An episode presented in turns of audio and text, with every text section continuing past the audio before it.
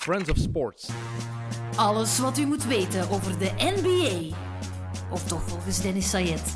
Welkom bij XNO's. Damn! What you heard is what you hearing. What you hearing? It's what you hearing. Listen. It's what you hearing. Listen. It's what you hearing. Listen. Welkom bij de XNO's podcast. Allemaal. Het eh, NBA-seizoen is ongelooflijk boeiend. Leuke matchen, goede storylines, maffe individuele prestaties, wat kleine ambrasjes enzovoort. What's not to love? Ehm, het is vrijdagmiddag als we dit opnemen, maar dat gaat voor de inhoud van deze podcast weinig uitmaken, want we gaan dit zondagavond pas online zetten. Dus voor u is het waarschijnlijk maandagochtend in de auto op weg naar het werk. Eh, dat veronderstel ik toch. Ehm, want zoals beloofd heb ik een eh, Belgian Lion te gast vandaag. Ik had het op Twitter gezet. Dus als u op de Twitter zet, dan heeft u het gezien. En het is eigenlijk de beste Belgische basketter van zijn generatie. Dat is ook mijn generatie. En van de laatste tien jaar, al gaat hij dat zelf niet graag horen of misschien niet willen toegeven, denk ik. Sam van Rossum, heb ik gelijk. Je hebt helemaal gelijk, Dennis. um, veel om over te praten, heel veel om over te praten. Ik weet eigenlijk niet goed waar te beginnen zelfs, maar uh, misschien eerst de beleefdheden. Hè? Hoe gaat het? Ja, goed, goed. Uh, momenteel goed. Uh, goed hersteld van, uh, van mijn knieblessure. en ondertussen terug aan het spelen. Dus ja, momenteel weer een pak beter dan ongeveer een maand geleden, zal ik zo zeggen. Hoe is het eigenlijk met die knie? Want hoeveel blessures heb jij wel niet gehad aan je knie de laatste jaren? Ja, het is, het is een beetje altijd hetzelfde fenomeen dat terugkomt. Hè. Dus dat, dat kraakbeenletsel, mijn eerste blessure was eigenlijk de zwaarste. Daar hebben ze de zwaarste operatie aan moeten doen. Um, en sindsdien ja, heb ik daar, ja, na mijn eerste operatie eigenlijk een heel lastige revalidatie gehad, die, die in het begin niet, niet, zo goed, niet zo goed begeleid geweest is, laat ik maar zeggen. En dan, uh, dan uiteindelijk toch tien, tien maanden uit geweest met die blessure, wat eigenlijk te veel was voor hetgeen dat was. Uh, en dan teruggekomen, maar ja, toch merken dat dat nog niet, niet helemaal 100% in orde was. en dan uiteindelijk op het einde van, van dat seizoen, dat ik dan terug beginnen spelen, was opnieuw moeten geopereerd worden. En dus nu was dat mijn, mijn, derde, mijn derde blessure aan mijn knie, ja, derde operatie aan dezelfde knie, uh, maar steeds ala, terug, terugkomen, kraakbeen. Um, als er één ding is wat veel sporters niet willen horen, dan is het een blessure aan het kraakbeen. Ja, ja dat is echt, uh, dus, dat is uh, ja, in de knie wel echt, ala, afhankelijk van hoe graad dat je het hebt natuurlijk, maar is dat wel echt wel de, de ergste blessure. Oké, okay, ja, een kruisband en al, dat is natuurlijk ook, uh, ook erg. Hè.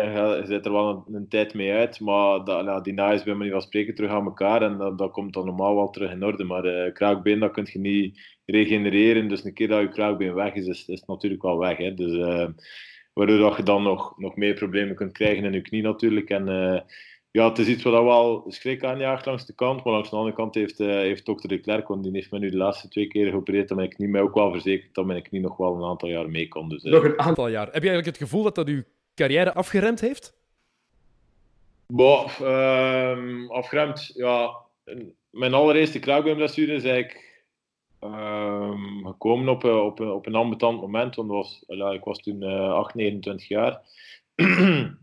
En dat is eigenlijk ja, volop in uw, in uw prime van uw, van uw carrière natuurlijk. Hè. En ik, zat, wel, ik was tot dan eigenlijk ook goed aan het spelen. En, ja, ik had wel het gevoel dat ik nog stappen voorwaarts kon zetten op die manier, uh, op, op, die moment. En ja, dan heeft dat me misschien wel een beetje afgeremd. Maar uh, oké, ja, bedoel... Uh, um, ik kan niet klagen over hoe dat alles tot nu toe gelopen is voor mij natuurlijk. het kon, kon slechter, kon het beter, ja, misschien ook wel nog een beetje, maar uh, langs de andere kant, heel veel beter uh, ging het wel echt toch niet meer worden. Het kon beter, een klein beetje. Wat is beter, Sam? Is dat dan naar Barcelona of Real Madrid gaan? Is dat dan net nog dat tikkeltje beter?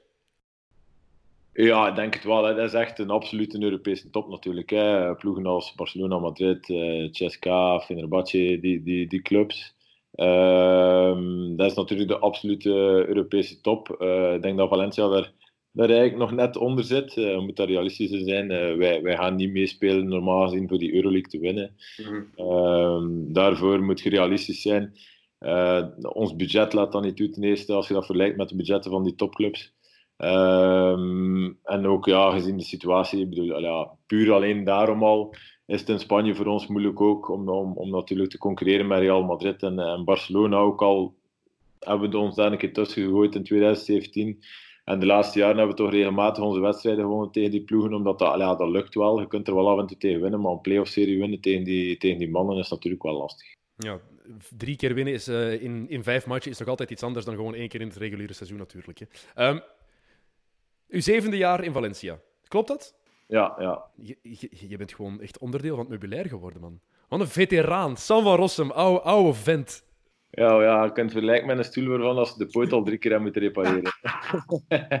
dus uh, nee, maar ja, ik voel mij hier thuis, ik voel mij goed. Uh, het is een super toffe stad om, uh, om in te wonen en de club ook. Is, dus, ala, het, is, het, is, het is een heel aangename club om in, in te verblijven eigenlijk. Hè. Um, ze, ze proberen het zo goed mogelijk te doen met de middelen die ze hebben. Ze zijn nu toch wel, kan toch wel zeggen dat ze de, het laatste decennium toch zeker na Real Madrid en, en Barcelona toch de meest succesvolle Spaanse ploeg zijn geweest. Um, dus ja, um, het, is, het, is, het is een heel mooie club om, om, om al die tijd in te verblijven. Eigenlijk. Je woont ook al tien jaar in Spanje, denk ik. Hè? Zie jij jezelf daar eigenlijk ooit nog weggaan? En terug naar België komen? Want... Ja, normaal gezien, ja, dat hangt er natuurlijk vanaf.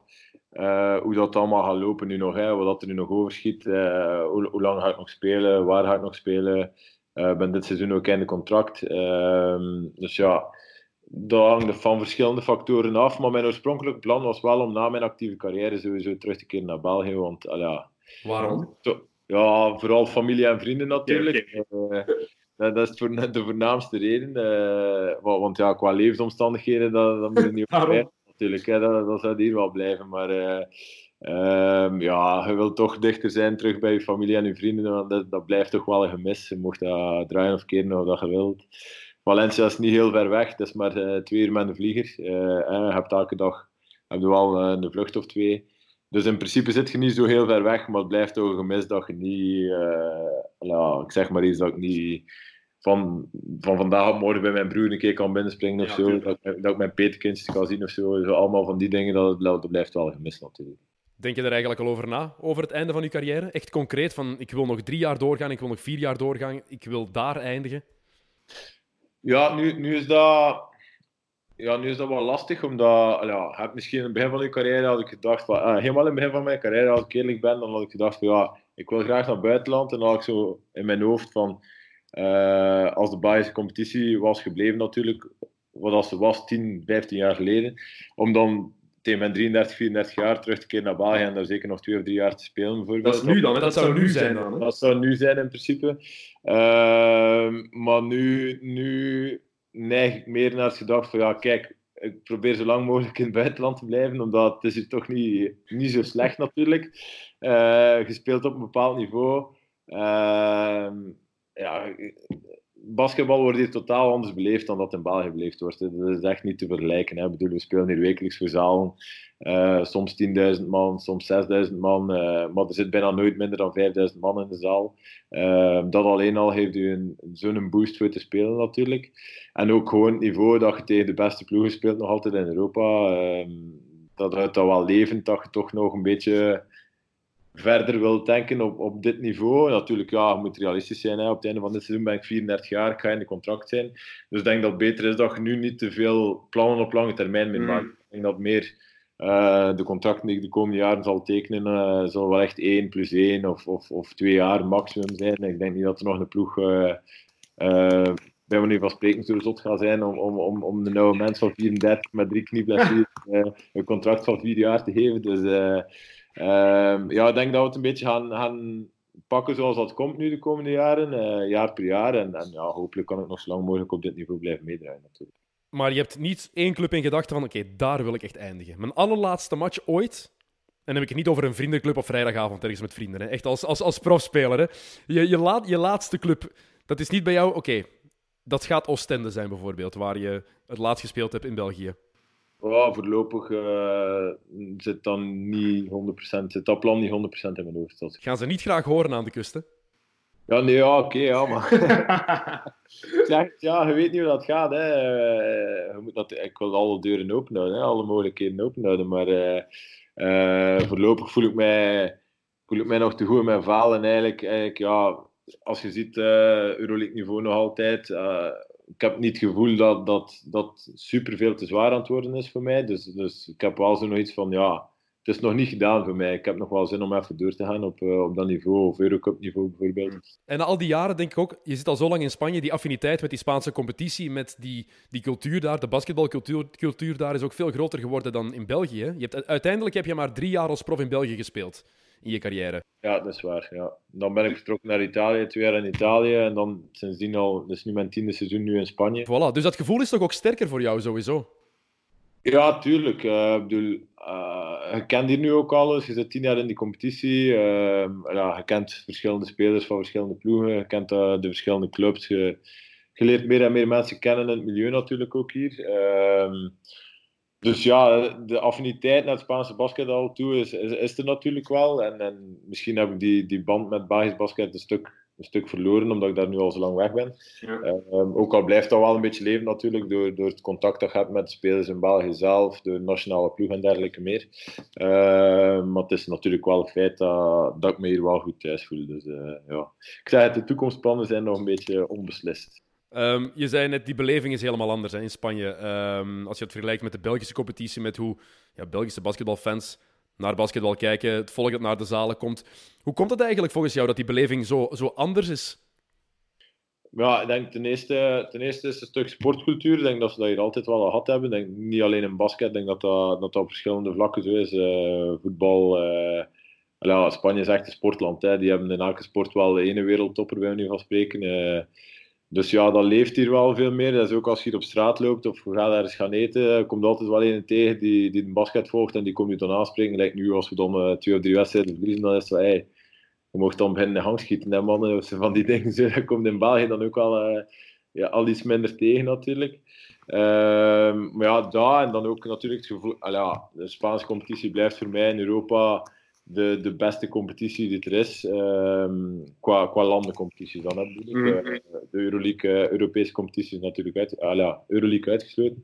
Um, denk ik dat de Spaanse competitie nog altijd de sterkste competitie is die er is. Waardoor dat er natuurlijk ook wel qua niveau, uh, een deftig niveau aan basket gespeeld wordt bij, bij alle clubs. Hè. we, hebben, we hebben een competitie nu met 18 ploegen.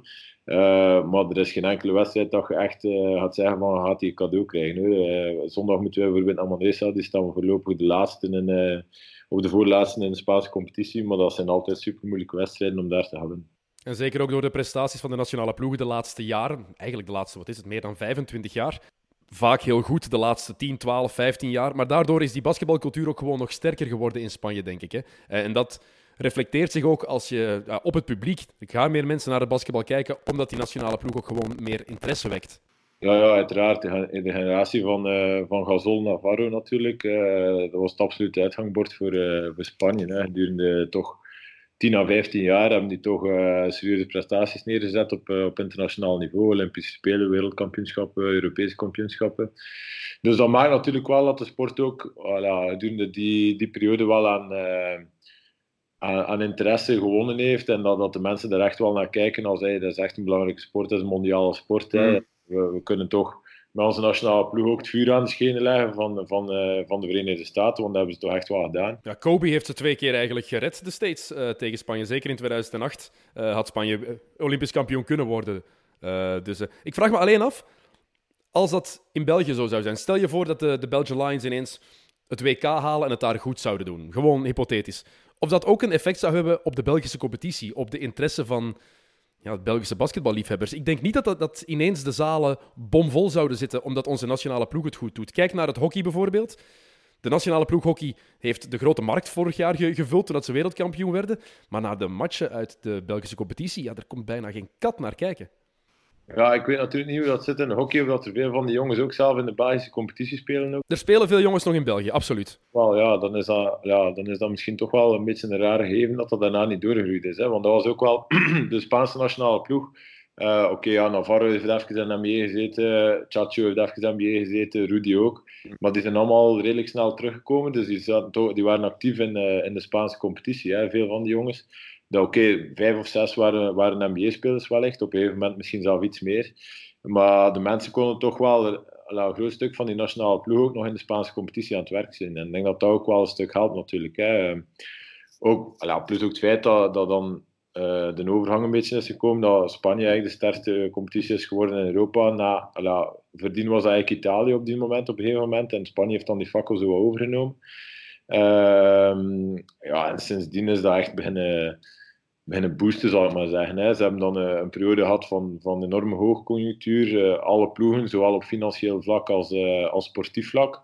Dat is nu natuurlijk de laatste jaren een beetje, een beetje naar beneden gegaan. De ploegen betalen hier ook niet allemaal meer de zotste bedragen. Ik denk als je nu kijkt in Spanje zelf, dat je de absolute ala, de top 5, top 6 die betalen, ala, die kunnen financieel echt uh, serieus wel doorgaan uh, op Europees vlak gezien. Maar daarna is het natuurlijk ook wel een pak minder geworden. Ploegen zoals uh, zeg maar iets, de, de, bodemploegen, die betalen ook niet meer het grote geld als ze verdienen wel nog betalen natuurlijk.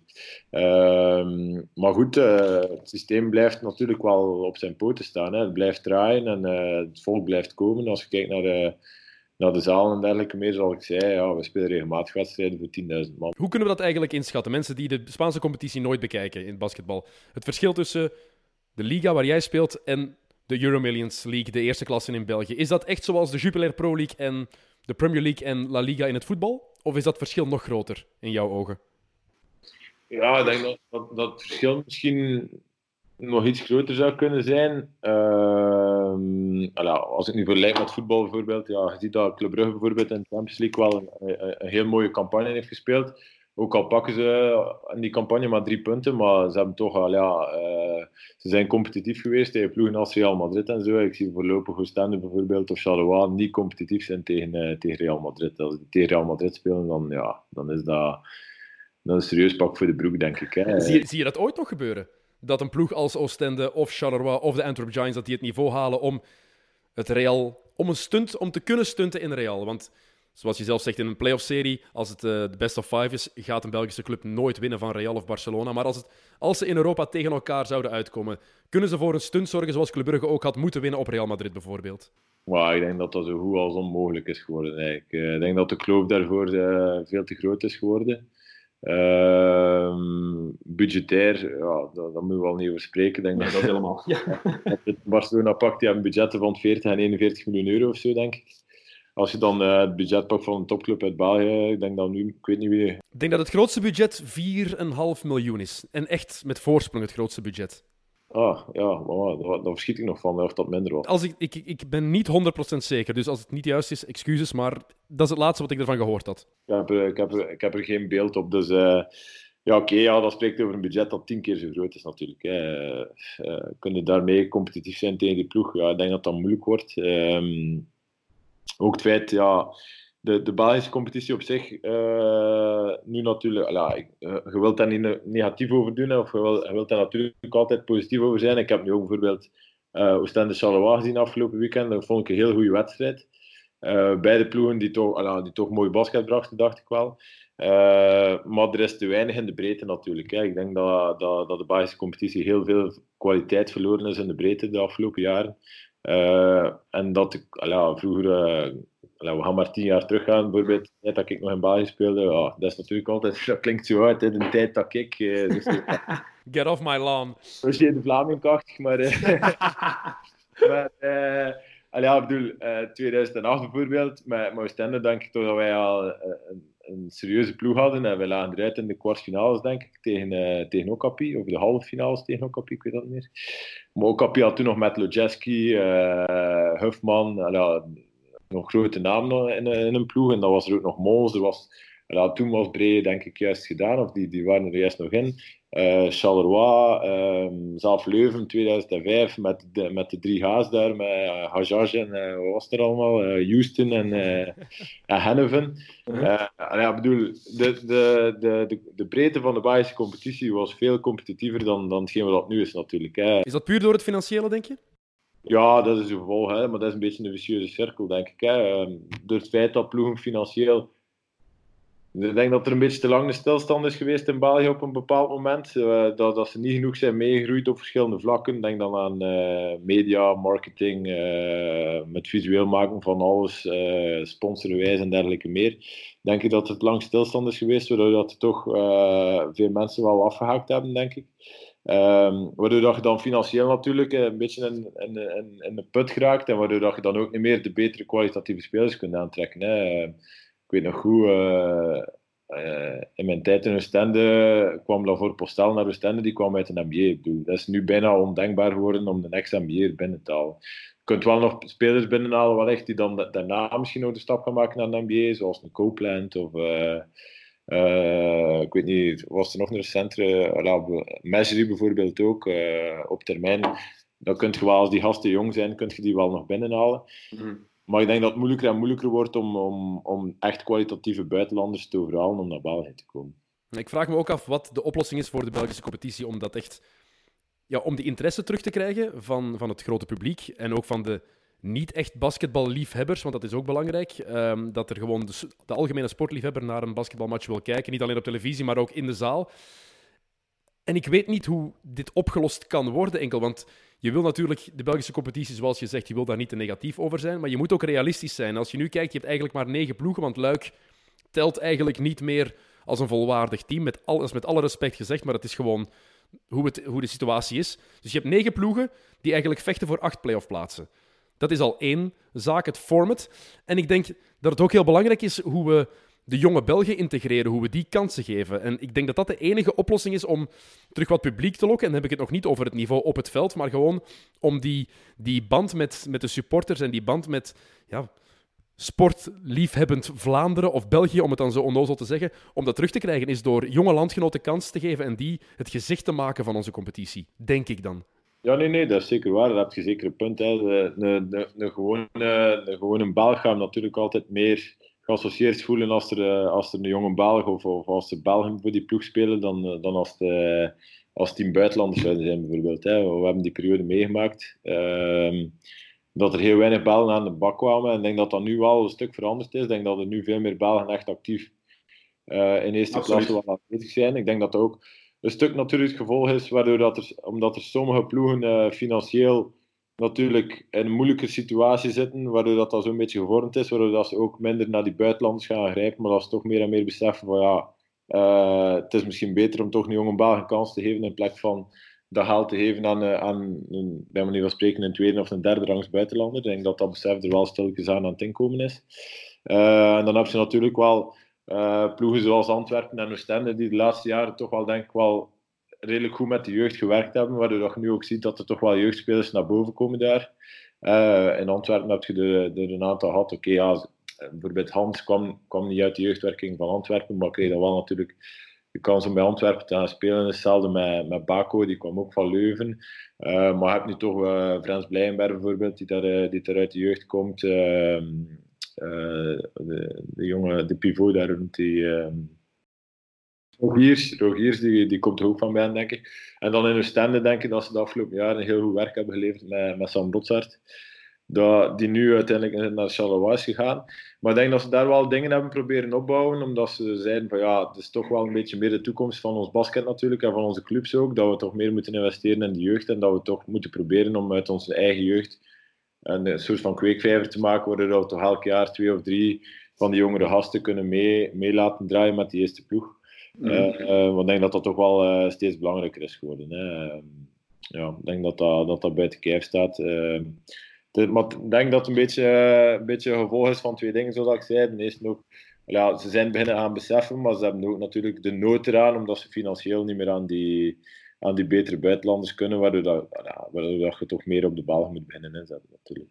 Ik heb het je op voorhand niet gevraagd, dus als je geen drie um, opties vindt, dan snap ik het. Maar als jij nu, uh, als jou nu informeren, ze vragen, uh, Sam, help ons, red onze Belgische competitie mee. Welke drie dingen zou jij zeggen, oké, doe dit, dit moet je doen en dat moet je doen? Drie zaken die de Belgische competitie meteen moet veranderen, aanpakken.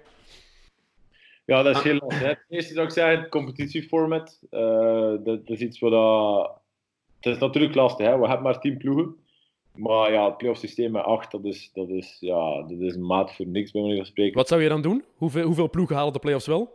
Playoffs met vier, nee. Ja, nu speelt jij een competitie voor niks, want eh, ja, een ploeg die een beetje deft is, die maakt sowieso de playoffs. Er is geen gevecht meer voor in die playoffs te geraken, zal zo zijn. Um, een tweede idee, en ik heb, dat, ik heb er onlangs nog uh, nog met Pascal ook over, uh, over gebabbeld, want Pascal zit er nu ook in Valencia, ja. dus een koffie gaan drinken. En we hadden dan ook even gehad over die binnenleague en, en dat. Ik dacht eerst ook in de binnenleague, ja, dat kan een goed idee zijn, maar nou, aangezien dat dat nu ook van de tafel is geschoten, blijkbaar, is misschien geen slecht idee om een keer te denken aan een BNE Cup. Hè? Dus dat, dat, is als initieel idee om dan te kijken hoe dat, dat gaat en om dan te kijken of je eventueel verder kunt gaan daarin. Omdat ik denk dat dat een beetje de grenzen gaat verleggen van hetgeen wat je nu hebt. Je hebt nu in België op dit moment maar 10 ploegen. Dus ja, een uitbreiding zit er niet zo meteen aan te komen, denk ik. Er zijn projecten bezig, als ik het goed verstaan heb, in Kortrijk. Wat, ja. wel, uh... Het kost allemaal veel geld ook gewoon. Hè? Als, je, als je naar de hoogste afdeling wil, moet je veel betalen. En... Ja, ja, ja, ja, tuurlijk. Ja, dat, dat zijn dingen die erbij komen. Maar natuurlijk, het, het gaat dan over over het feit dat je toch een bepaalde structuur op poten kunt zetten die leefbaar blijft natuurlijk. Als je nu kijkt naar Kortrijk, Kortrijk is denk ik de club met het grootste aantal leden momenteel in België op basket, uh, aangezien dat die er allemaal gefusioneerd zijn. Dus ik denk dat er daar wel degelijk mogelijkheden zijn. Ik vind het gewoon spijtig dat er bijvoorbeeld in een stad zoals Gent, dat er daar geen... Uh, geen basketbalclub uitkomt. Of, uh, bijvoorbeeld uh, in Brussel blijven ze gelimiteerd zijn bij een club door de, door de infrastructuur en dergelijke. Die spelen, die spelen echt in een zaal waar ik in speel. Ik speel in Eerste Provinciale. Dat is echt zo'n zalen spelen wij in. Hè? Voilà, Zo'n zo dingen die blijven dan natuurlijk wel, wel steken. Hè. Daar hebben ploegen af. In de tijd is ook op Okapi daar, uh, daar ook slachtoffer van geweest, doordat die nieuwe zaal daar toen niet, niet kunnen komen is.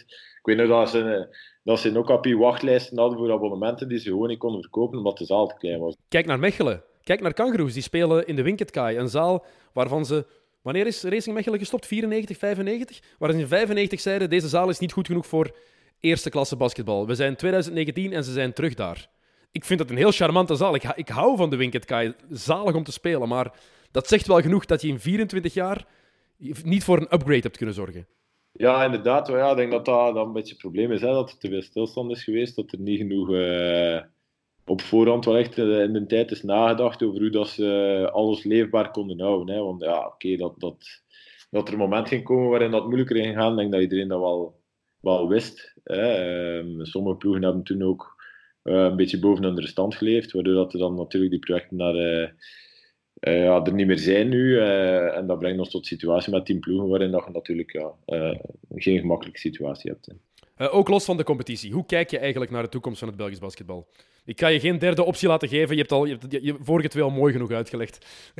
I've put you on the spot. Dus ik, laat, je, het je zo doen. Maar hoe kijk je daar eigenlijk naartoe? De toekomst van het Belgisch basketbal. En ja, dat, je kan dat niet helemaal los koppelen van onze nationale competitie natuurlijk. Dat is een beetje in elkaar verweven. Um, maar qua jonge talenten die eraan komen, qua infrastructuur, hoe de, de bond aan het werken is, uh, de nationale ploegen, de nationale jeugdploegen.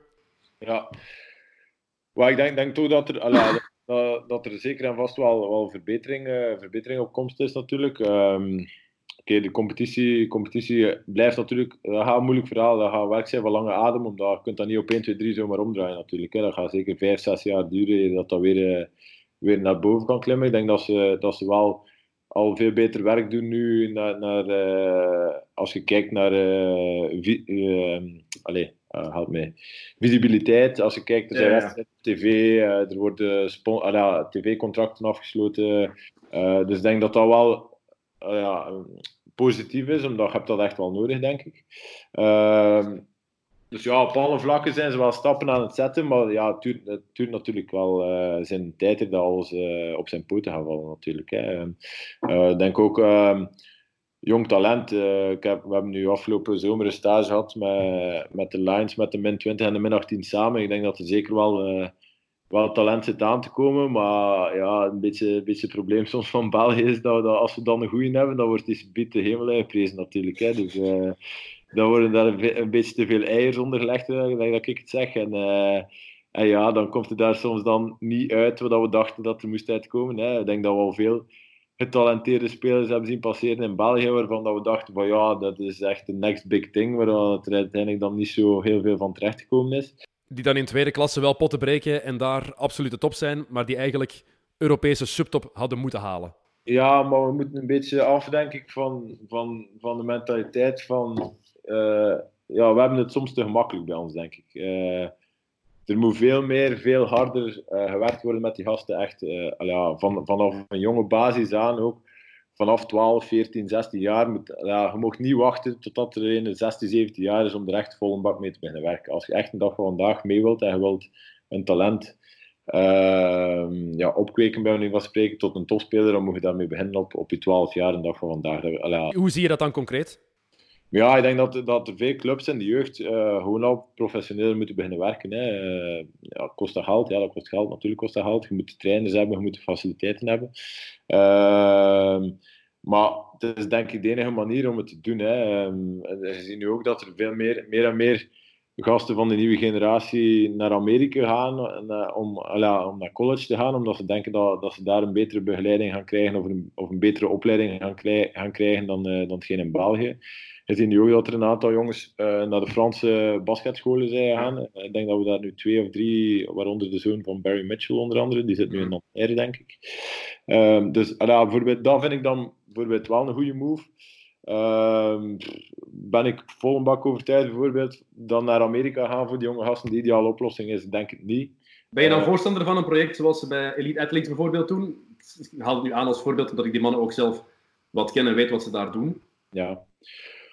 Het is natuurlijk, het is natuurlijk wel leuk, hè? Het, concept, het concept spreekt aan. Uh, ik heb het vooral over die Academy natuurlijk. Hè? Die jonge gasten die daar dan eigenlijk quasi vast uh, zitten, die dat daar elke dag gaan trainen, die elke dag met basketbal bezig zijn, maar ook daar voor school werken, die daar echt... Ja, het is niet dat school verwaarloosd wordt, bijvoorbeeld, maar het is wel basketbal, basketbal, basketbal. School mag in principe ook niet verwaarloosd worden. Hè? Zeker, ja, zeker tot niet tot een bepaalde leeftijd, zal ik zo zeggen. Uh, het is natuurlijk wel een heel mooi, ja, heel mooi project hè, dat, dat Jurik daar heeft opgestart. Uh, het idee erachter is supergoed. Uh, je maakt een soort van soort van internaat eigenlijk, uh, met gasten die continu met basketbal bezig zijn. Hè. Die gaan naar school, oké, die doen naar de school, maar die komen van school en die gaan naar de zaal, die gaan gaan shotten, die, die doen aan de drills, die worden fysisch begeleid. Dus het is echt wel, wel een project dat, dat leuk is. En ook, ook het, is, het, is, het is een keer iets anders dan, dan moet je zeggen, de, de IO-school in de tijd of zo. Alla, ik denk dat dat project van Elite Athletes toch nog wel, wel iets anders is dan, dan hetgeen wat ze daar toen hadden. Uh, natuurlijk, ja, Jurik is vrij into NBA. ik babbel vaak met Jurik. Ik vind dat heel interessant om met Jurik te babbelen natuurlijk, omdat mijn zicht op de NBA is een beetje anders dan dat van hem. We gaan het er zo meteen nog over hebben. We gaan het zo meteen nog over de NBA hebben. dus ja, ik zie, ik zie enorm veel breakdown clips. Maar uh, ja, ik denk dat het ook heel moeilijk is. Allee, als je realistisch bent, als je een kansberekening zou maken voor een Belgische jeugdspeler om te maken naar de NBA, ik denk dat dat ja, one out of a million misschien. Zie je dat ooit gebeuren? Zie jij er ooit een, een Belgische speler die opgeleid is in België, hè? Ooit komt trainen, dan is dit, dit er een, een België geboren speler die in de NBA gaat raken, ooit gaat ontkomen. Ik ben ervan overtuigd. Je moet daarin geloven. Hè. Ik bedoel, uh, gaat dat al die problemen oplossen? Ik, ik denk het niet, maar uh, het kan wel helpen natuurlijk. Maar ooit, ooit komt dat er wel van, denk ik. Maar ja, dan moet echt alles gewoon meezitten. Hè. Je moet, je moet uh, die jongen gaat de fysiek moeten hebben, die jongen gaat uh, het talent moeten hebben, die jongen gaat uh, de werkkracht moeten hebben en dan gaat hij nog op het juiste moment op de juiste plaats moeten zijn ook. Want dat is iets ook wat veel mensen nu toch wel wat, misschien wel onderschatten. De NBA, als ik ook babbel met onze Amerikanen hier, dat is een big business geworden. Hè. Dat gaat hem niet altijd meer puur over je basketkwaliteit. Er zitten sommige jongens in de NBA die daar... Uh, op Ik wil namen, Sam. Ik wil namen. Ja, nee, ja. Het geven de, de, de, de, de, de broer van Antetokounmpo. Er zijn er twee die eigenlijk niet spelen, hè? Costas en Thanasis. Uh, de Thanasis, want daar heb ik nog tegen gespeeld hier in Spanje en Andorra. En dan is het naar Panathinaikos gegaan. Ja, sorry, maar als die in kan spelen, dan kan Hans Europa in de NBA spelen. Hè. dus, uh, Leg dat even uit. Maar dat is puur basketpolitiek. Hè. Dat is puur om, om de andere content te houden. Die is zijn broer daar, die twee die zijn content. Uh, uh, dat is volgens mij een of andere tactiek om hem, bij manier van spreken, langer bij de Bucks te houden, weet ik het. Uh, maar, maar dat gaat mij niet wijsmaken dat die gast puur op basketkwaliteit NBA-waardig is. Dat, dat, dat, dat, geloof ik niet. Hoe komen ze dan aan een plekje? Want ze moeten toch wel iets kunnen, hè? Al is het puur fysiek indrukwekkend zijn. Want dat is wat Thanasis bijvoorbeeld natuurlijk wel heeft. Het is een beest van een, van een vent, maar... Ja, dat heeft hij dan natuurlijk wel. Zijn fysiek heeft hij, maar puur baskettechnisch is dat is dat beperkt voor mij. Is niet, in Europa was die, dat was geen een topper in Europa of zo. Hè. Dat was niet dat in Panathinaikos uh, 25 minuten per match speelde. Hè. Dat is een Euroleague ploeg. Die speelden in Panathinaikos soms een keer 15 minuten, soms een keer 20, dan een keer 10, dan een keer 5. Maar dat was niet onder een belangrijkste speler of zo, snapte? Dus uh, ja, weet je, dat, er, er, is een groot stuk politiek bij komen kijken bij de NBA. Uh, op potentieel natuurlijk ook, hij wordt er heel veel gekozen. Want kijk naar Janis Antetokounmpo toen die gedraft werd. Niemand had ook gedacht dat hij dit zou worden, wat hij nu is. Ja, nee, dat is eigenlijk, dat is eigenlijk ook grappig van Janis. Van Janis, uh, die heeft ooit nog tekenen Zaragoza. Ik weet niet of jij dat weet. Nee, dat wist ik niet. Maar uh, dus uh, mijn laatste jaar in Zaragoza, en ik heb onlangs nog onze manager van de Zaragoza gezien, maar we hebben tegen hem gespeeld. Hij is nu manager van, uh, van Estudiantes. Uh -huh. We waren dan nog over bezig dat hij zei: oh, Weet je dan nog? Uh, de laatste jaren kan je toen gezegd, hey Sam, volgend jaar weer in een tekentje, onze spelverdeling gaat afzien, gaat afzien. Hè. Het is een van twee meter. Ik zei, oh jongen, een van twee meter die op de spelverdeling speelt, dat bestaat niet. ja, dat was toen, toen begon dat te komen hè, met Satoransky en al van die mannen. De spelverdelers werden groter en groter. Uh, die zegt, ja, ja, ik heb een getekende Griek, uh, Antetokounmpo, onthoud die naam maar. En hetzelfde jaar, hetzelfde jaar als hij die tekende, is die gedraft geweest en is die uh, heeft Milwaukee van deze keer, denk ik, 500.000 euro aan Zaragoza moet betalen voor die rechten. Dat is toch maar zes jaar geleden, 2013. Inderdaad, is die, uh, is die gedraft. Voilà, voilà, dat was dus dat jaar. Uh, dus oh ja, daar even terzijde, dat verhaal van, van Giannis. Ik kon, misschien ooit nog teammate geweest zijn van Giannis. maar dat, komt er ook bij natuurlijk, hè, want je hebt dan inderdaad je hebt het politieke spelletje. Wat je zegt, uh, zoals de Lakers, die hebben nu uh, Costas Antetokounmpo. De enige reden dat de Lakers Costas hebben, is om Giannis te kunnen lokken als free agent ooit. Dat is de enige reden dat ze dat, ze dat doen. Dus dat hoort er natuurlijk ook bij. Maar je ziet ook wel jongens die ja, op potentieel pakken natuurlijk. En bij Thanasis is dat, is dat iets anders. Costas is de jongere broer. Ja, het kan ook zijn dat er ploegen denken... Hmm, Misschien kan die ook wel die evolutie maken die Janis heeft gemaakt, of 50% daarvan, en hebben nog altijd een nuttige NBA-speler. Ja, ja, nee, nee, dat kan natuurlijk. Ja, maar de kans dat dat gebeurt. Uh, Oké, okay, ja. Je hebt, hebt er Biombo bijvoorbeeld. Ik weet niet of je die kent. Ja, van, van Charlotte, Bismarck Biombo. Biombo die heeft naar Spanje gespeeld. Die heeft nog bij Kino Colom gespeeld. Kino Colom waren daar nog over bezig van de week trouwens. Die zei Sam, die kost geen vijf dribbels naast, na elkaar zetten. Die kon dat niet. Die kon geen vijf. Maar dat was fysisch zo'n danig beest. Die kon lopen over en weer. Die sprong, die, die deed alles. Die kon blok zetten, die kon dunks. Maar deed in de bal dribbelen, dat ging niet. En die tekent, datzelfde jaar tekent hij in de NBA en die heeft nu een miljoen, een miljoenen contract. Ja, hij heeft heel veel geld gekregen van Michael Jordan. Echt goed gedaan, Michael. Dat is een geweldige, geweldige general man. Een geweldige eigenaar. Ja, voilà, voilà, voilà. Ik ben een fan van Jordan. Hè. Ja, ik, ik ook, Sam. Maar als eigenaar en general manager weet hij niet wat hij doet. Het is een geweldige zakenman als het op schoenen aankomt. Eh, kleren, eh, Nike heeft hij goed, allemaal goed gedaan, Air Jordan. En is de beste basketballer die er ooit, die ooit zal bestaan. Maar dude, tientallen miljoenen geven aan Bismarck Biombo, Adam Morrison draften, ja... Voilà, maar kijk, maar dat zijn nu voorbeelden waarvan ik denk van ja. Maar heb je, dat, heb je dat niet op elk niveau? Heb je dat bij jullie ook niet? gewoon gasten die fysiek indrukwekkend zijn en dan zo hun rol hebben.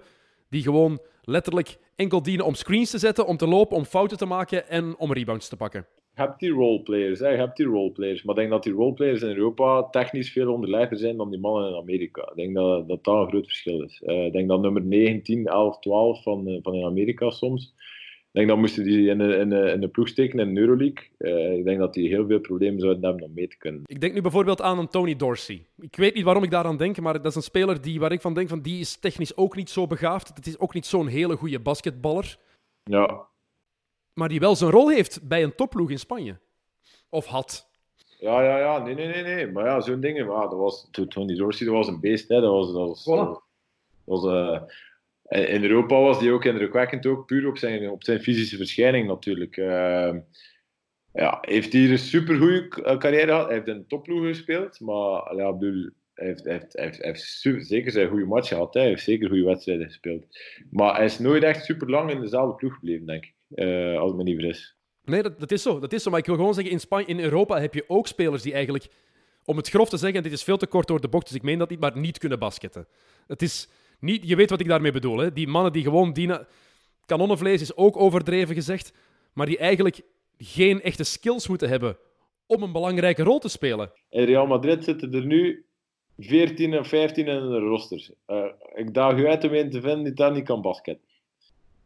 Uh, bij Barcelona juist hetzelfde. Op dit moment. Maar er zijn wel spelers die ook in de Europe aan de Europese top spelen die niet echt die skills hebben. Maar jij denkt dus dat er in de NBA veel meer mensen, veel meer spelers rondlopen die daar eigenlijk niet zouden mogen, mogen, mogen spelen. Mogen horen, maar ze, selecteren veel meer op fysische capaciteiten dan op basketbalcapaciteiten daar. En ik denk dat dat een groot verschil is met Europa, omdat, ja, oké, daar, daar, je ziet ook dat in de NBA de beste atleten zitten. Hè. Dat staat, ja, daar, daar ga ik helemaal niet in twijfel trekken. Hè. Uh, dat is ook daarom dat als Team USA op volle sterkte komt, dan kunnen normaal zien, kan er daar geen enkele Europese ploeg aan, omdat de fysisch ook sterker zijn. En dat zijn dan uiteraard ook die gasten die de fysische capaciteiten combineren met, met, met een zotte techniek, zoals uh, uh, LeBron bijvoorbeeld. Uh, om nu te zeggen, Steph Curry is misschien niet de, de meest atletische of de, de, de grootste beer dat er is, maar die heeft een zotte techniek dan. Bedoel, ja, dat zijn dan de absolute toppers. Maar ik denk dat, dat er erachter komt, gelijk bijvoorbeeld, ja, vorig jaar speelde bij ons Matt Thomas. Matt Thomas is getransfereerd geweest naar, naar Toronto. die speelt nu bij Toronto. Uh, en, en, ja, ik babbel nog regelmatig met hem om zo wat te zien hoe dat gaat en al. Uh, uh, en hij zei ook, zegt, ja, dat is een compleet andere wereld. gewoon het spel is gewoon helemaal anders. Je kunt dat niet met niks vergelijken in Europa, zegt hij. Wij doen soms 5 tegen, 5 tegen 0 trainingen. De helft weet niet wat de plays zijn. er wordt zodanig veel isolation en pick en two-man game gespeeld. En hij zit dan eigenlijk bij een ploeg die nog een redelijk Europese ingesteldheid heeft met Nick Nurse. Voilà, ja, ja met Nick Nurse. Ja, zij, zij spelen nog redelijk Europees basket in, uh, in, in de NBA, om het zo maar te stellen. Hè. Een beetje zoals uh, de Spurs eigenlijk ook. Uh, nu, nu misschien wel iets minder dan vroeger. maar je ziet toch dat sommige ploegen met een grote Europese inbreng, Dallas nu ook denk ik, dat toch ook al iets meer naar de, die Europese stijl is aan het gaan. Ehm, ja, je ziet, ah, dat zie ik dan liever nog om naar te kijken bijvoorbeeld naar de NBA. Dan, dan kijk ik liever naar een ploeg zoals Dallas of, of, of San Antonio, waar dat de balmovement is, dan dan al die isolation plays, gelijk bij Houston. Ja, Houston, daar vind ik echt absoluut niks ja, aan. Daar kan ik het alleen maar mee eens zijn. Ik vind Houston dit jaar echt nog moeilijker dan ooit om, om te kijken. Uh, excuses Houston-fans, maar het is gewoon lelijk basketbal wat, uh, wat uh, die ploeg speelt. Um, ik vraag me dan ook gewoon af, is het ook niet de ingesteldheid ergens? In de NBA speel je met go-to guys. Dat is daar zo ingebakken, dat hoort daarbij. En inderdaad, Greg Popovich is daar een beetje van afgestapt met San Antonio. Maar langs de andere kant, toen Kawhi daar zat, was Kawhi wel de absolute eerste optie. Zeker in zijn laatste twee seizoenen. Is dat in Europa dan gewoon zoveel minder dat jullie zeggen: dat is duidelijk de beste speler, dat is onze eerste optie, dat is onze tweede optie? Ja, ik denk dat, denk dat, denk dat het breder is hè, in Europa. Ik denk dat als je kijkt naar de verschillen, als, je, als, mensen, als er mensen zijn. ik zou eigenlijk een oproep willen doen dat mensen een keer wat meer naar Euroleague basketbal gaan kijken. Want het is, echt compleet anders het basket. Ik denk dat het veel tactischer is. Ik denk dat het ook mooier basket is om naar te kijken, omdat, net omdat het tactischer is. Uh, er is veel minder isolation play en er is veel meer ploegspel. Uh, dus je komt tot veel meer uitgespeelde offenses, veel meer uitgespeelde shots. Uh, ik zeg maar die pick and rolls, layups. Um, maar het is waar wat je zegt, hè. het is heel moeilijk om in Europa Misschien een van de spelers in Europa die dat wel doet, is Mike James bijvoorbeeld. Mike James is een speler, oké, vorig jaar was hij in Milaan, die nam gemiddeld denk ik meer dan 20 shots per wedstrijd als spelverdeler. Of Schwed bijvoorbeeld in Kinky. Uh, dat is juist hetzelfde. Die mannen, dat zijn mannen die 20 shots nemen per match, maar dat zijn echt uitzonderingen. Hè. Zo hebben misschien twee of drie spelers in Hans Euroleague. Ik denk dat de rest, als je per match aan 10, 12 shots zit, dat dat veel is bij manier van spreken. Hè. Terwijl als dat vergelijkt met een NBA-speler, denk dat uh, elke ploeg wel één speler heeft die elke match 25 tot 30 shots gaat pakken. Hm, maar zo'n James en Sch uh, zijn er wel twee mannen die in de NBA door het ijs gezakt zijn eigenlijk, die daar niet goed genoeg bevonden zijn. Uh, ja, ja, ja, dat is waar. Maar ja, oké, ja, ik kan je nog een voorbeeld geven. Dat is Shane Larkin bijvoorbeeld. Die heeft twee weken geleden in Euroleague heeft hij 49 punten gemaakt. Dat is iets wat voor mij veel indrukwekkender is dan dat Harden 60 punten maakt in de NBA. Omdat gewoon in Europa en Euroleague is dat veel moeilijker om op 40 minuten 49 punten te maken. Gewoon omdat die defense helemaal anders is dan dat dat in de NBA is bijvoorbeeld. Dat is wat Luka Doncic ook altijd zei. Hè? Luka Doncic die zei altijd: Het is zoveel moeilijker voor mij om te scoren in Europa dan in de NBA. Ja, ja, maar kijk bijvoorbeeld wat er met Giannis gebeurd is op, op 2K, oh, met de FIBA-rule. Bad coaching, bad coaching. Bad coaching kan zijn, bad coaching. Als, als jij coach bent van Griekenland, jij zegt elke keer Janis op, aan een blok en geeft die bal inside. Gewoon zoals Shaq. Elke keer de bal naar Janis, kom op. Ja, dat kan. Ja. Je kunt daar helemaal gelijk hebben. Ja. Maar ik zeg gewoon dat de defenses ook veel tactischer zijn in, uh, in Europa en ook in FIBA basketbal. En uh, waar zaten we nu? Oh, bij Janis. Uh, ik was niet kwijt. Ik was bezig over Larkin. Hè. Je was bezig over Shane Larkin, ja. Ah ja, oh ja, dus ik vond dat veel indrukwekkend. Die heeft, die heeft toen 10 op 12 drie punten geschoten. Oké, ja, die had zijn dag, die smeet alles binnen die dag. Hè. Maar uh, als Harden 60 punten maakt, dan smijt hij 20 drie punten naar de goal. Uh, ik weet niet hoeveel dat hij er gaat binnengooien hebben, maar ik heb die match gezien bijvoorbeeld tegen, uh, tegen Dallas. Die, die schoot daar 1 op 14 of 2 op 14, ik weet niet wat dat was. Ja, pff, dat was echt. ja, ik vond er maar niks aan. En dan zie je natuurlijk zo die highlight clips en dan al, al, de, al de, ik zie dan al, de, al onze jeugd kijken naar die highlight, highlight clips van de NBA. Ja, dan lijkt het alsof die mannen alles van die shots dat dat binnenvliegt. Maar ja, als je dan naar Hans die match kijkt, dan zie je hoeveel dan die mannen shotten. Ja, welk volume dan die mannen shotten. En dan is natuurlijk al wel een pak minder. Hè. Jurik heeft mij dan ook al uitgelegd van ja, James Harden is puur statistisch gezien de meest efficiënte uh, one-on-one player die er ooit geweest is, blijkbaar. Dat is, ja, ik weet dat Jurik dat gelooft, maar dat is niet waar. Hè? Jurik, als je dit, als je dit hoort, dat is een absolute, absolute leugen. Advanced stats. Ik, ik ben statistisch gezien niet, niet zodanig bezig met dit. Misschien moet je dat vragen aan Pascal ook, om Pascal en we zijn met statistieken, dus uh, uh, kunnen we misschien wel eens doen. Dat is wel interessant om te weten. Uh, maar ik had ook zoiets van, ja, sorry, maar ik kan echt in een basket kan er niet naar kijken. Want je, je kan niet ontkennen dat James Harden een fantastische speler is. Dat hij offensief misschien wel een van de tien grootste talenten ooit is. Gewoon wat hij kan, wat hij allemaal kan, hè? Ja, ja, ja, nee, nee, maar daar ben, daar, ben ik, daar ben ik van overtuigd. Maar het blijft zo lelijk om naar te kijken. Gewoon als je die ploeg ziet, en dat is inderdaad het jammer eraan. En dat is waarom bijvoorbeeld een ploeg als San Antonio, toen ze op hun, op hun best waren in de finals van 2014, dat iedereen nog altijd zegt dat is het mooiste basketbal dat we in de NBA ooit gezien hebben. Gewoon omdat dat inderdaad dat teambasketbal was. Mm. Ja, voor mij blijft dat... Ja, dat is ook omdat ik in die cultuur nu ben opgegroeid van Europees basket en Euroleague en ik ben meer en meer uit in de NBA gegroeid. Vroeger keek ik daar natuurlijk ook graag naar, de tijden van Michael Jordan en zo. Uh, vond ik de NBA zeer aangenaam om naar te kijken. Ook omdat ze toen, ik denk toen ook dat de supersterren nog meer verspreid zaten. Nu proberen ze dat allemaal zo wat meer te centreren naar één dezelfde ploeg. Hoewel dat dit seizoen toch ook een beetje veranderd is, dat ze wat meer weer verspreid zitten, waardoor het toch interessanter wordt, denk ik.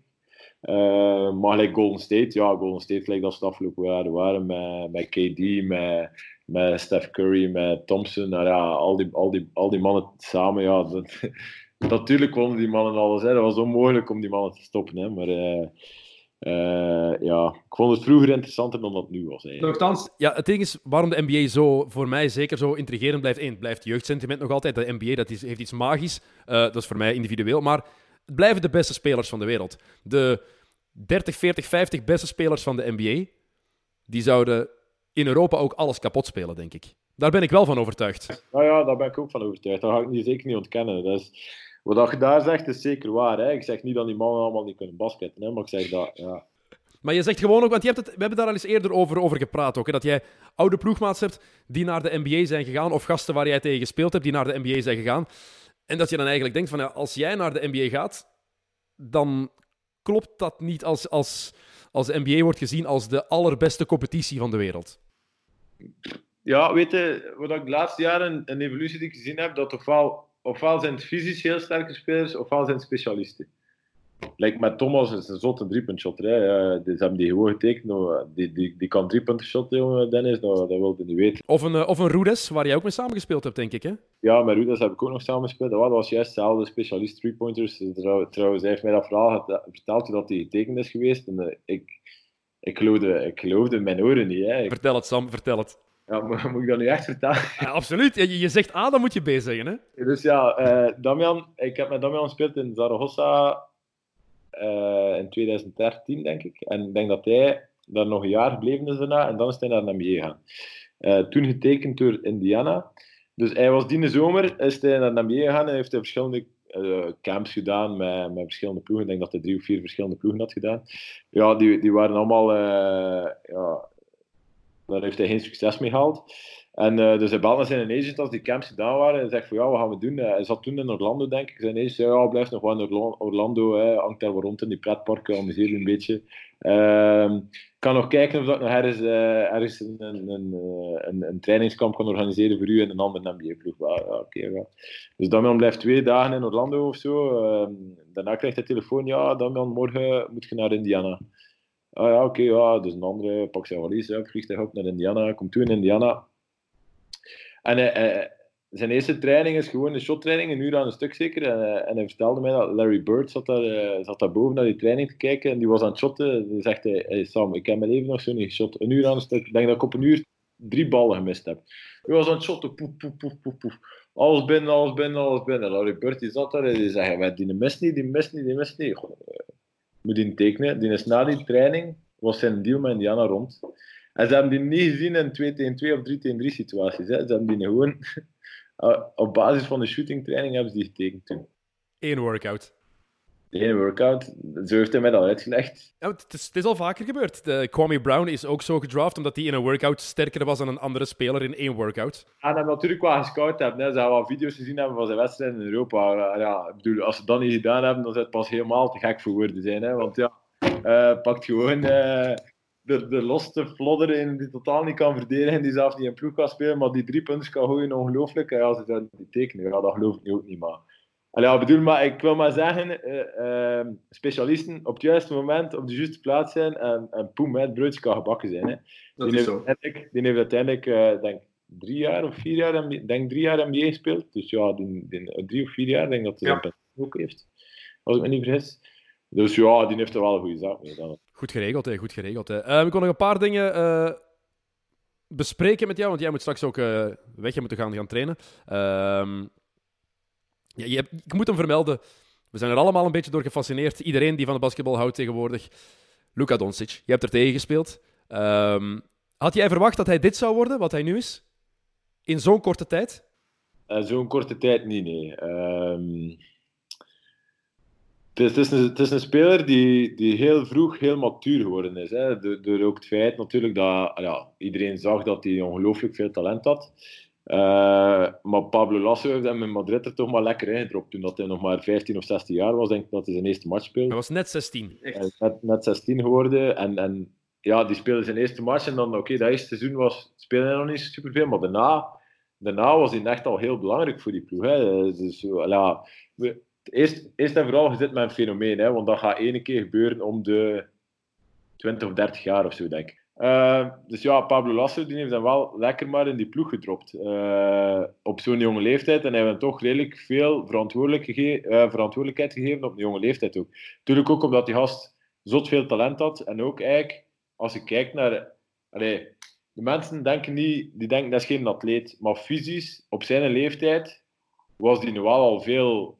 Uh, moet je het zeggen, uh, veel uitgebouwder dan, dan, dan de, gemiddelde, de gemiddelde jongen op zijn leeftijd. Als hij 18 jaar was, was zijn, was zijn, fysisch, ja, zijn fysische verschijning uh, veel imposanter dan, dan de gewone van 18 jaar, zal ik maar zeggen. Tuurlijk.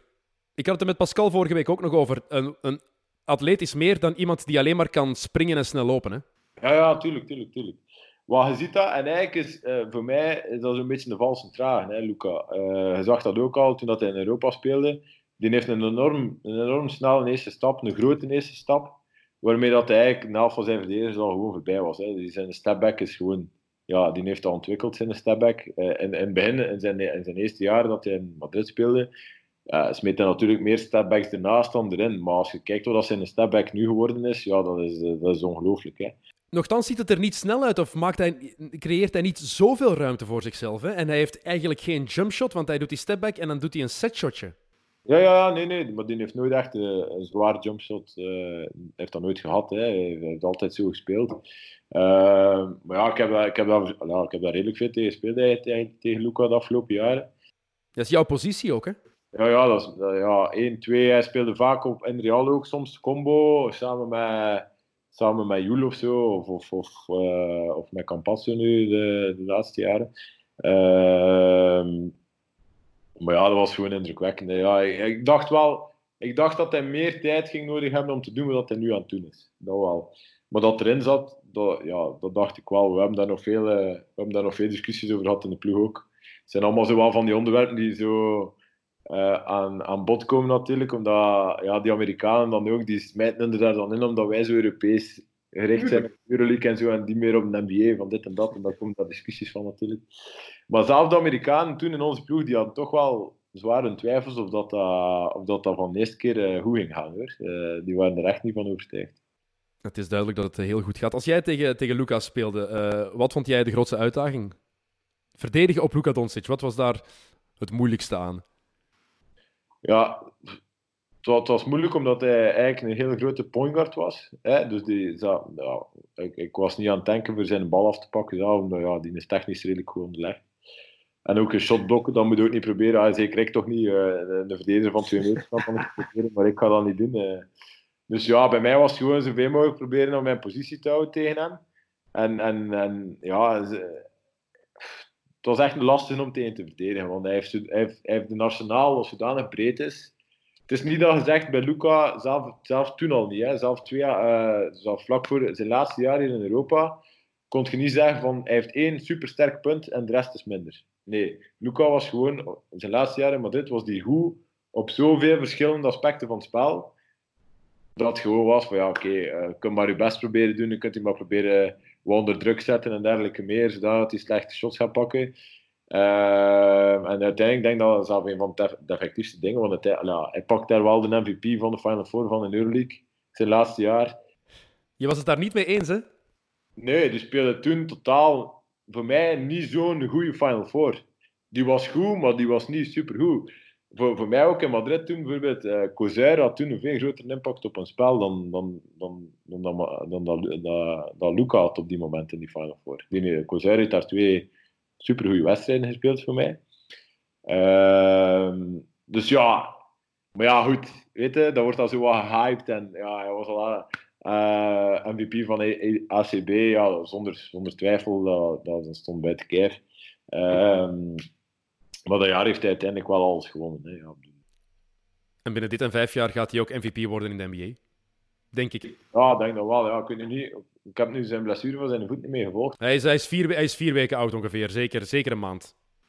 Ja, als hij, als hij meteen dat niveau terug gaat kunnen oppikken van waar hij nu zat, dan denk ik dat hij misschien dit jaar toch wel al in aanmerking zou kunnen komen. Maar uh, oké, ja. Hij gaat nog niet voorbij Janis uh, geraken dit jaar. En een van de twee Lakers-spelers, Anthony Davis en LeBron, denk dat die nog altijd iets meer kans maken dan, dan Luca. Maar hij is, zeker, hij is zeker top 5 en dat is eigenlijk al dat is eigenlijk al zot voor een Sloveen van, wat is hij? 20 jaar? 21? 20. Nee, is hij al 21? Ik denk dat hij, hij gaat 21 worden, denk ik. Dat ja. Hij mag nog niet drinken in de States, inderdaad.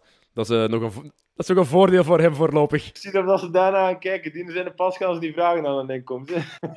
hey, uh... Met Amerikanen weet je nooit. Hè. Die kunnen heel structureel... Hangt er ook vanaf of je in Trump-country bent of niet, denk ik. Of je daar uh, hard op gecontroleerd wordt, uh, wordt of niet. Um, Luca, die heeft, ik heb het al eerder even gezegd, die heeft een tijd geleden, een tijd geleden, vorig seizoen gezegd van het is veel moeilijker om te scoren in Europa dan in de NBA. En de laatste tijd is dat weer terug boven gehaald en dan werd er gezegd van hoe komt het dan dat al die spelers die mislukken in de NBA, uh, die daar falen of geen ploeg meer vinden, die wel naar Europa gaan en daar meteen de ster of de man worden? Ik zeg niet of ik het ermee eens ben of niet, ik vraag het aan jou. Over, over welke mannen hebben ze het dan? Want, uh... Bijvoorbeeld een Jan, een Jan Vessely, bijvoorbeeld, die in de NBA toen ook nog één. Hij was veel te jong, veel te groen. Maar die daar niks kon doen, maar in Europa wel een impact heeft op zijn ploeg. Bijvoorbeeld. Een speler like Jan Wesley bijvoorbeeld in Europa steekt hij qua zijn fysiek steekt hij er sowieso ook al uit. Hè. Uh, dat, is, dat, is, nu een keer een voorbeeld dat we bijvoorbeeld zou kunnen aanhalen. Ook al zijn techniek is veel verbeterd de laatste, jaar, de laatste jaren, vind ik. Maar in het begin was het ja, Wesley, dat was puur energie, dat was puur fysiek. Hè. Dat, waren dunken, ja, die, die waren alleen maar dunken dat waren alle hoops, dat, waren, dat was één dribbel en, uh, en die slam. Ik bedoel, veel, maar ik denk dat zijn, zijn, zijn spel veel verbreed is de laatste jaren. Hè. Nu heeft hij ook, hij kan ook al een keer een shotje binnensmijten van 4, 5 meter af en toe.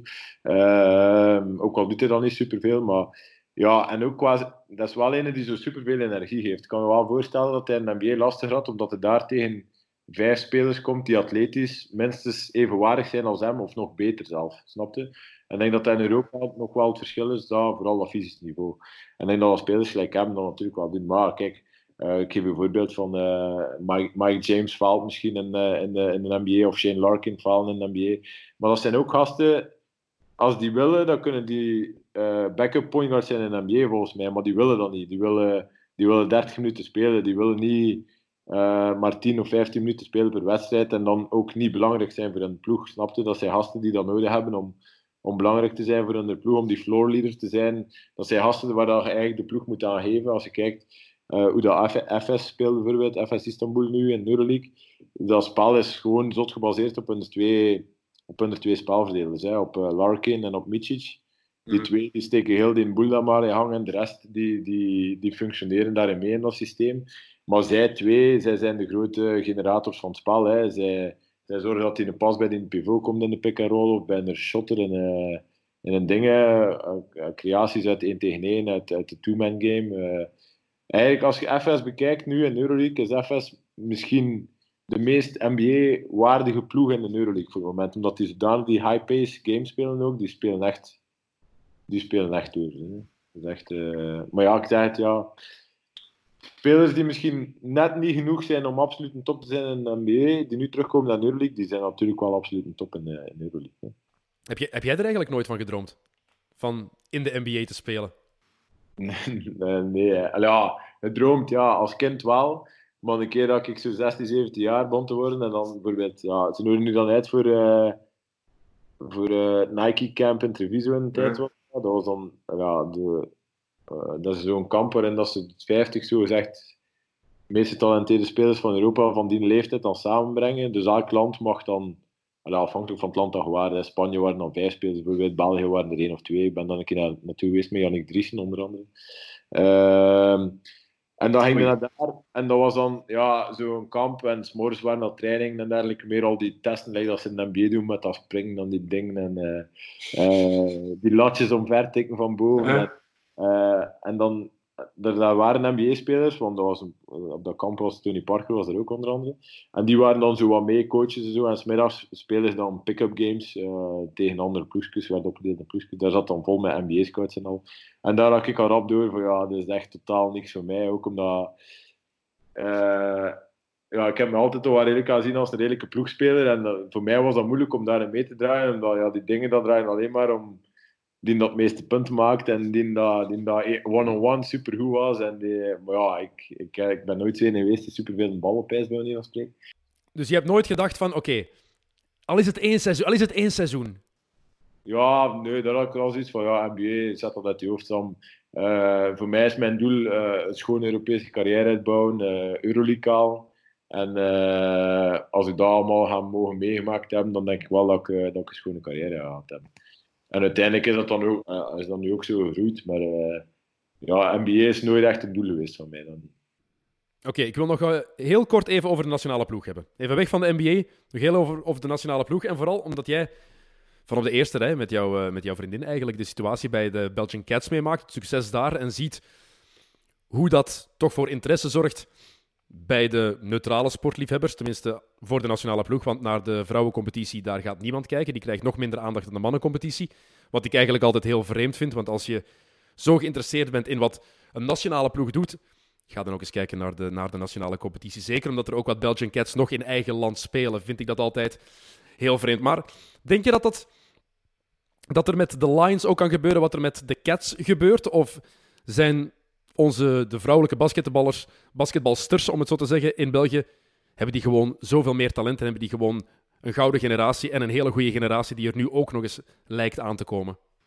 Ja, nee, ze hebben zeker nu, nu, nu hebben ze wel een gouden generatie. Hè. Ze hebben, eh, die, die generatie rond Emma, Emma Meeseman is natuurlijk wel eh, een topgeneratie. Hè. Die waren al top bij de jeugd ook. Eh, bij de jeugdtoernooien, dat wonnen die ook. eh, of, die zaten die dicht bij, bij, bij het van Europese kampioenschap. Denk, zijn die zelf geen Europees kampioen geworden? Ik denk van wel.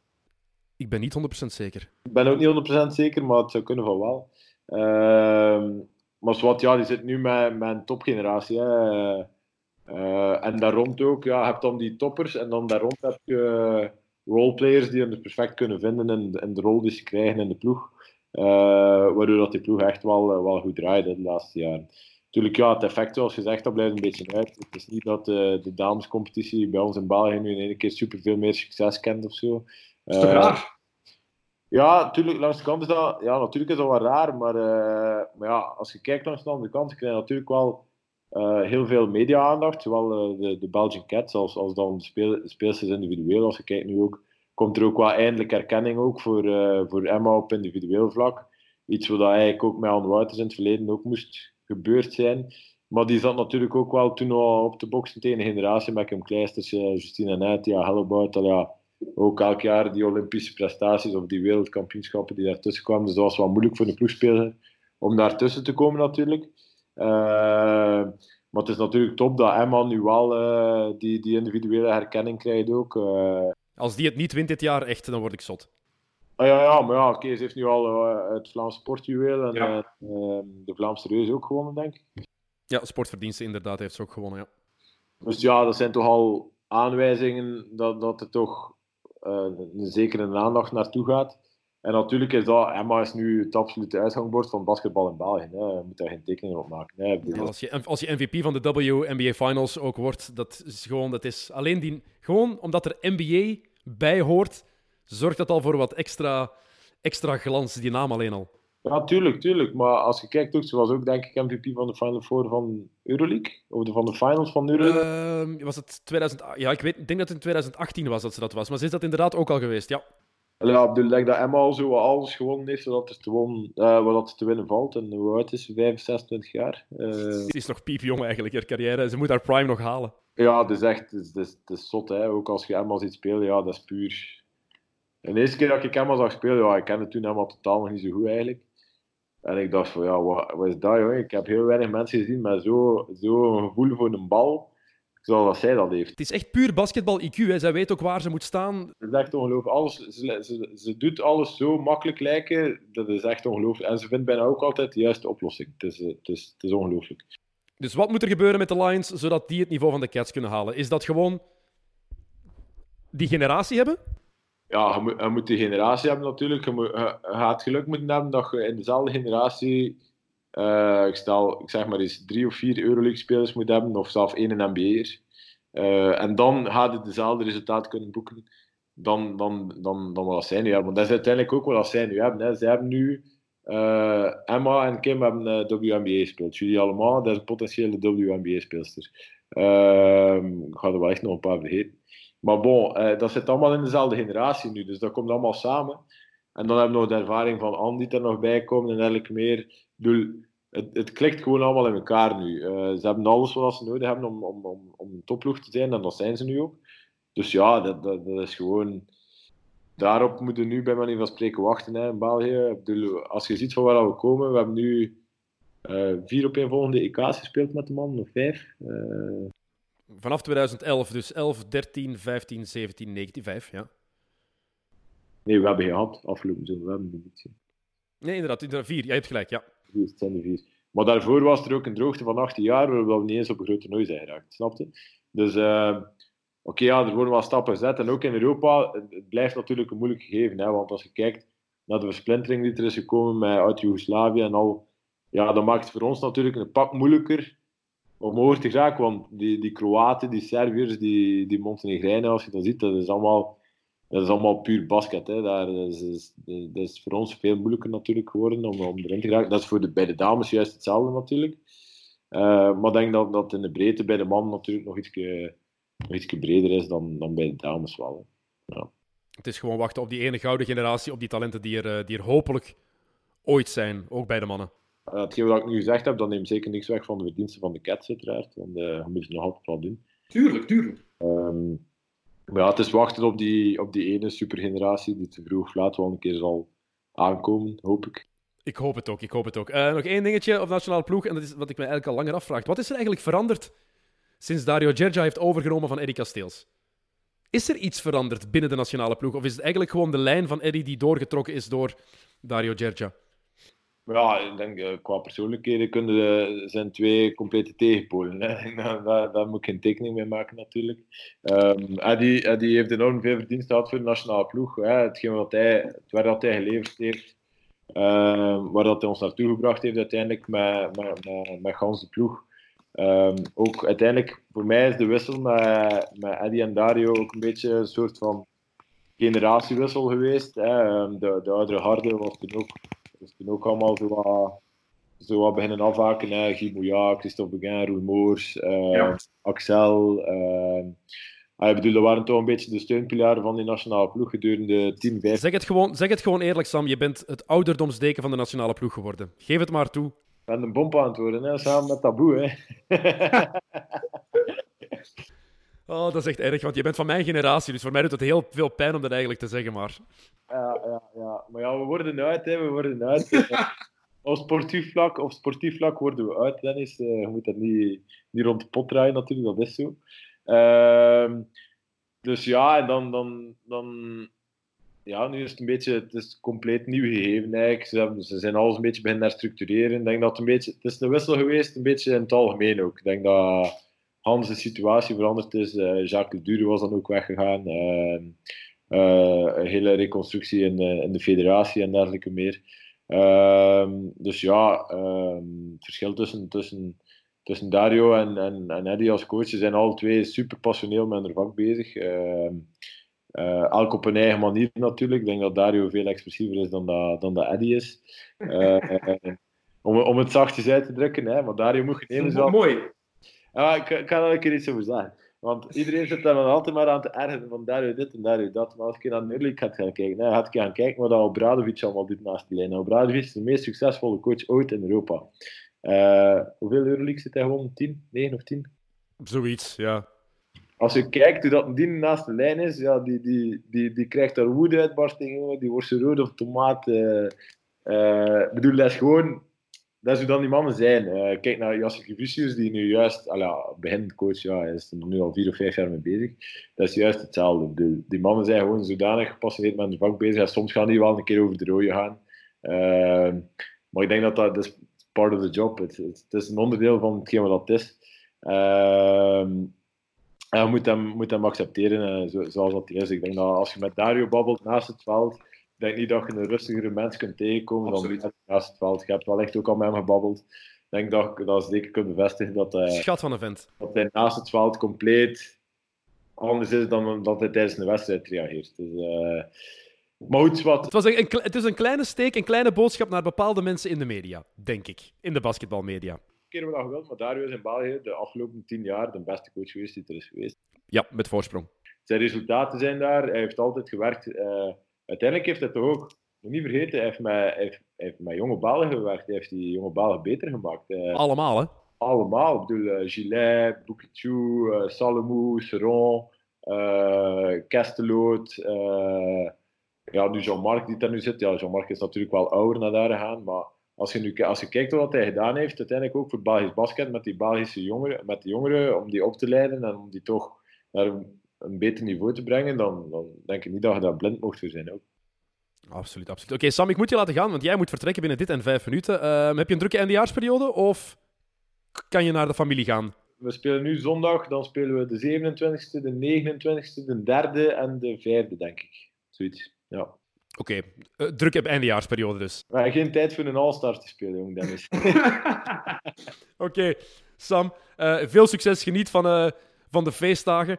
Um, en um, zie dat je nog eens ooit naar België kan komen. Hè. En zonder dat je naar Move to Cure moet komen voor je knie. Gewoon... Ja, ja, ja hopelijk. Dat je daar niet weer tegenkomt. Hè. Ook, ook ja, fijne feestdagen voor, uh, voor u, Dennis, en voor al uw luisteraars op de, op de podcast. Uh, fijne feestdagen en, uh, en een goed jaar gewenst. Voilà, kijk eens aan. Um, voor de luisteraars, dinsdag is er, dus het is dan normaal morgen als dit online staat, uh, is er een nieuwe aflevering van Mid Mid, de voetbalpodcast. Donderdag is er normaal een nieuwe Dat Mag is, de nostalgische voetbalpodcast. En op 27 december, jawel, uh, is er een New York Knicks special. Dan ga ik podcast opnemen met drie New York Knicks fans. En er zou zelfs een muzikaal intermezzo in kunnen zijn. Absoluut. Spannende dagen. Sam, merci dat je er was. Tot de volgende keer, man.